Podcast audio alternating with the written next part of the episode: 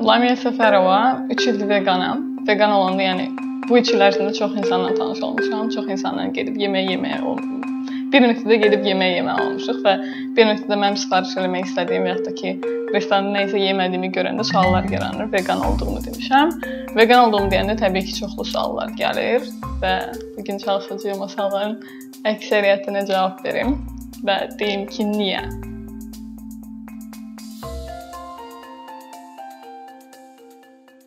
Vegan olduğumu deyəndə ilk gələn sual odur ki, okey, mən veqanların şəxsi seçiminə çox hörmətlə yanaşıram. Amma mən sevmirəm ki, veqanlar öz şəxsi seçimlərini başqalarının üzərinə yapışdırmağa çalışırlar.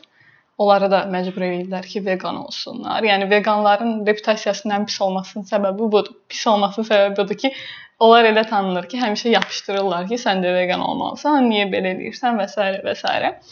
Um, bu gün çalışacağam onu eləməyim, sadəcə danışım. Okay. Başlayaq şəxsi seçimdən. Şəxsi seçim deyəndə biz həyatımız boyu şəxsi seçimlər eləyirik. Yəni günüm hər gün səhər oyanıb kofe içməyindən tutmuş, yatağa getməyindən tutmuş və s. və s. Sən küçədən keçəndə birinə daş atırsan, söz atırsan, ola bilər ki, incitirsən. Şəxsi seçimindir. Amma mənəvi cəhətdən etikdirmi? Yəni şəxsi seçimlər okeydir, ancaq onların artıq qurbanı varsa, və onları biz mənəvi cəhətdən əsaslandıra bilmiriksə, onları etik adlandıra bilmiriksə, bunları sorğulamağa dəyər. Şəxsi seçimdən danışırıqsa, okey, biz insanların şəxsi seçiminə hörmət eləyirik. Super. Um, bəs heyvanların şəxsi seçimi necə? Onlar tutaq ki, bıçağın altına gəlib öz şəxsi seçimlərindən mi uzanırlar? Cavab yoxdur təbii ki. Çünki onlar məcbur olurlar. Yəni biz öz şəxsi seçim deyəndə ancaq özümüzün individual olaraq şəxsi seçimlərimizi nəzərə alırıq. Bəs ətrafdakılar, bəs heyvanların şəxsi seçimi necə? Onların şəxsi seçimlərini nəzərə alırıqmı bu seçimləri eləyərkən?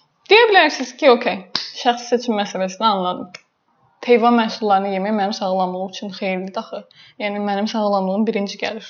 Çox razıyam ki, insan sağlamlığı hər şeydən önəmlidir və sizin sağ qalmağınız, sağlam yaşamağınız, xoşbəxt həyat sürməyiniz hər şeydən önəmlidir. Ancaq baxaq məsələn Amerika diyet Birliyidir, Britaniya Diyet Birliyidir, ümumiyyətlə Milli Sağlamlıq Təşkilatıdır. Bunlar hamısı dəstəkləyir ki, e, vegan həyat sürmək həm sağlamdır, həm təhlükəsizdir, həm də balanslı qidalanmaq üçün idealdır.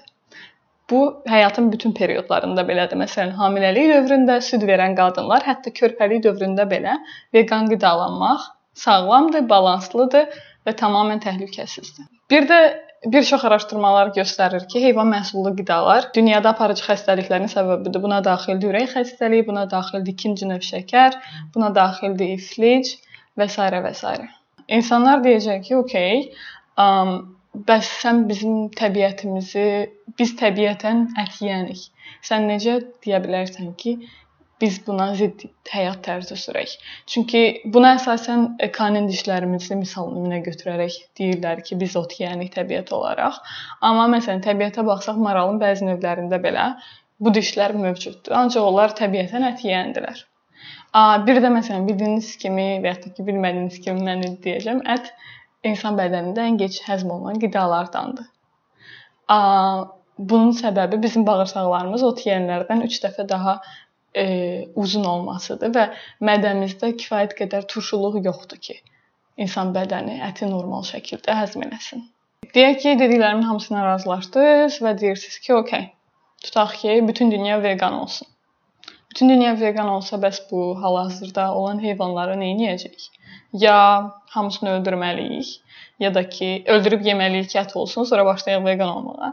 Ya da hamısını təbiətə buraxmalıyıq. Hansı ki, təbiət o gücdə deyil ki, bu qədər heyvanları saxlasın, balansını qorusun. Amma burada tələb və təminat məsələsi var. Yəni biz nə qədər tələb ediriksə, fermerlərdə və ya da ki, ət sənayesi o qədər ət yetişdirir. Biz tələbimizi nə qədər azaltsaq, təmin olunan ət də, ət də o qədər azalacaq. Və zamanla Təbii ki, bir gündə vegan olmaq mümkün deyil. Bir gündə bütün dünyanın vegan olması mümkün deyil. Ancaq zamanla bu tələbi azaltmaqla təklifi də azalda bilərik. Burada qəşəng bir sual gəlir. Mənim ən sevdiyim sualdır. Və çox böyük zövqlə cavab verəcəm bu gün buna çünki çox cavab verməmişəm. Bitkilər bəs, yəni onlar da canlıdır, onlar da onları da öldürürük axı. E, bu mövzuya ilk onu demək istəyirəm ki, bitkilərdə mərkəzi sinir sistemi yoxdur. Onlarda ağrı reseptorları yoxdur. Okay, tutaq ki, amma bütün hallarda başqa bir məsələ də var. 1 kilo ət yetişdirmək üçün 16 kilo bitki sərf olunur. Yəni biz bitkiləri qorumaq istəyiriksə, bitkilər həqiqətən də bizim vecimizdədirsə, yenə də vegan olub ancaq bitki yeməliyik ki, daha az bitki ölsün. Başqa ən sevdiyim suallardan biri odur ki, soya bəs sən bilirsən ki, soya nə qədər ətraf mühitə zərər vurur. Və soya yetişdirilməsi, yəni ətraf mühit üçün çox dəhşətli bir şeydir razıyam. Ancaq baxaq görək həmin yetişdirilən soya harda istifadə olunur. Bunun 70-85%-i heyvanlara qida yetişdirmək üçün istifadə olunur. Cəmi 6%-i insanlar üçün istifadə olunur. Yəni biz o heyvanlar üçün 75 70-85% soyanı yetişdirməsək, cəmi 6% ilə dünyaya daha az zərər vurmuş oluruq. Ki bu 6% də veqanların yediyi tofu deyil. Bu 6% də gedib aldığınız şokoladın, aldığın peçenyenin və ya da ki aldığınız digər qidaların inqrediyentlərinə baxsaz, orada soya görəcəksiniz. Yəni bu soya təkcə veqanların yediyi tofu, süni ət və s. demək deyil. Bunu hamımız əslində qəbul edirik. Deyəcəksiniz ki, yaxşı. İnandırdın. Bəs niyə vegetarian olmayaq, vegan olaq? Südlə yumurtadan nə var? Yəni yeyək də südlə yumurtanı. Südlə yumurta yeyən heyvanlar ölmür axı. Okay. E, birinci yumurtaya cavab verəcəm ki, məsələn, erkək və dişi cücələr doğulur da. Erkəklər istifadəyə yararsızdır. Kifayət qədər ət vermədiyi üçün də kifayət yararsız hesab olunur. Yumurta vermədiyi üçün və ət vermədiyi üçün yararsız hesab olunur. Ona görə bunlar yəni ümumiyyətlə həyatlarını yaşamırlar, ya öldürülürlər, ya onları yəni bilmirəm, dəhşətli bir şəkildə onlardan can qurtarırlar e, dişi toyuqlara gəldiysə, onların hardasa 72 həftədən sonra artıq istifadəyə yararsızdılar, istifadəyə yararsız. E, və onları artıq göndərirlər ət üçün. Yəni bütün hallarda yumurtalıq toyuqlar belə ət sənayesinə göndərilir. Süd məhsullarına gəldikdə, süd almaq üçün, yəni bir inəyin süd verməsi üçün onun mütləq e, bala dünyaya gətirməsi vacibdir. Ona görə məcbur olaraq hər il fermerlər inəkləri məcbur hamilə qoyurlar ki, onlar hər il doğum eləsinlər və onlar süd versinlər.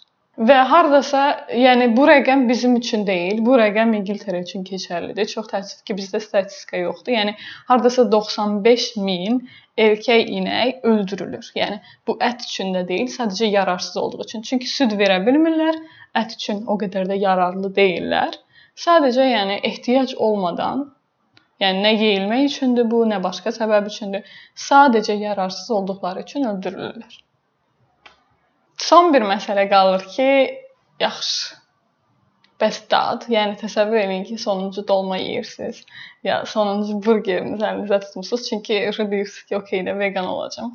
Yəni daddan vazgeçmək çox çətindir, daddan əl çəkmək çox çətindir. Yəni mən özüm vegan olanda yadıma gəlir ki, fikirləşirdim ki, va, bir də balıq yeməyəcəm.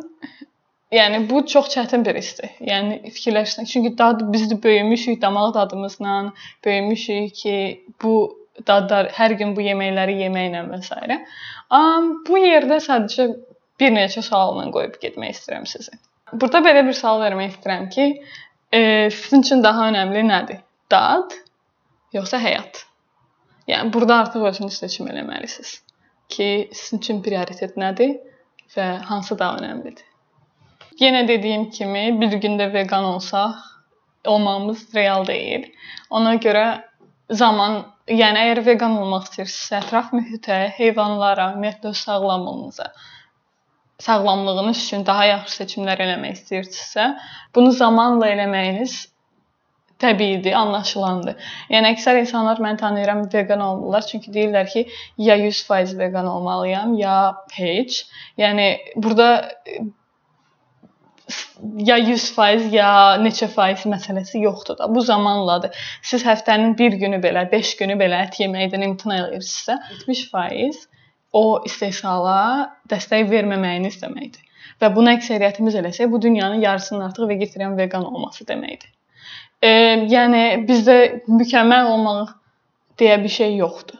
Bunu zamanla eləyə bilərsiniz və etap-etap eləyə bilərsiniz. Sizə necə rahatdırsa, sizin həyat tərzinizə necə rahatdırsa eləyə bilərsiniz. Yəni veganlığın ə, e, təbliğatında mənim də ən sevmədiyim, amma da başa düşdüyüm məsələlərdən biri odur ki, ya 100%sən, ya heç. Ancaq çox təəssüf ki, bu real deyil. Real olsaydı indi daha çox insan vegan olardı. Ki zaten ümid edirəm ki, bir gün elə olacaq, amma bunu zamanla eləmək, öz həyat tərzinizə uyğun şəkildə dəyişikliklər eləmək daha məntiqlidir. Nəinki yəni birdən-birə. Amma sizə səmimi deyim, mən özüm də 3 il vegetarian olmuşam, sonra 3 il vegan olmuşam və baxıram 3 il vegetarian olduğum perioda ki, mən niyə süd məhsulları, yumurta yeyirdim? Hmm, biraz tənbəllik edirdim. Sonra dedim ki, yəni ehtiyac yoxdur və çox asan ol. Asan olmadı keçid, çünki getdiyim daimi restoranlar var idi ki, məsələn, gəlirdim ki, mən burada həmişə pizza yeyirdim axı. Pizza pendirlidir. Hə, okey. Uje bu dəfə fərqli bir şey sifariş etməliyəm. Sadəcə vərdişlərimi dəyişdim və uje get-gedə başqa yerlərə getməyə başladım. Yəni zamanla həyatın bir parçasına çevrildi və çətin deyil. Deyil. Suallardan biri odur ki, bəs Azərbaycanda vegan olmaq çətindirmi? Düzün desəm, yox, çətin deyil. Çünki hara getsəz mütləq nəsə vegan yemək tapa biləcəksiniz. Və çox əhəmiylidir ki, siz dost tanışlarınız hansı ki ət yeyirlər, onlarla bu barədə söhbət eləyəsiniz. Yəni onlarla doğrudan da oturub dərin söhbət eləyəsiniz ki, niyə vegan olmağı seçmisiniz? Yəni onlar bunu anlayandan sonra siz həmin ünsiyyəti heç vaxt kənara qoymamalısınız ki, onsuz lazım deyil. Yəni dostlarınızla, tanışlarınızla, yaxınlarınızla bu söhbət elədikdən sonra onlar artıq anlayır niyə bu seçimi eləmisiniz niyə veqansınız? Onda sizin həyatınız daha asan olacaq. Yəni insanlar bilmədikcə, təbii ki, insanlardan yola versələr, yola versəniz sual verəndə ki, niyə veqansan, e? niyə belə edirsən, niyə yemirsən? Bu sualların cavabını onlar bilməlidirlər ki, siz daimi bu sualları eşitməyəsiniz. Çünki yəni yemək tapmaq asan məsələdir. Yəni ən böyük çətinlik sadəcə insanların reaksiyasıdır. İnsanların bu reaksiyası təbii ki, kənardan olan insanların reaksiyası sizin üçün önəmli deyil, olmamalıdır. Önəmli, amma kən yaxınlarınızın reaksiyası hər zaman önəmlidir. Ona görə oturub onlarla bu barədə söhbət eləmək çox önəmlidir ki, onlar bilsinlər niyə. Yəni insanlara siz cavab vermədikcə, onları beynində suallarla qoyduqca təbii ki, çətin olacaq.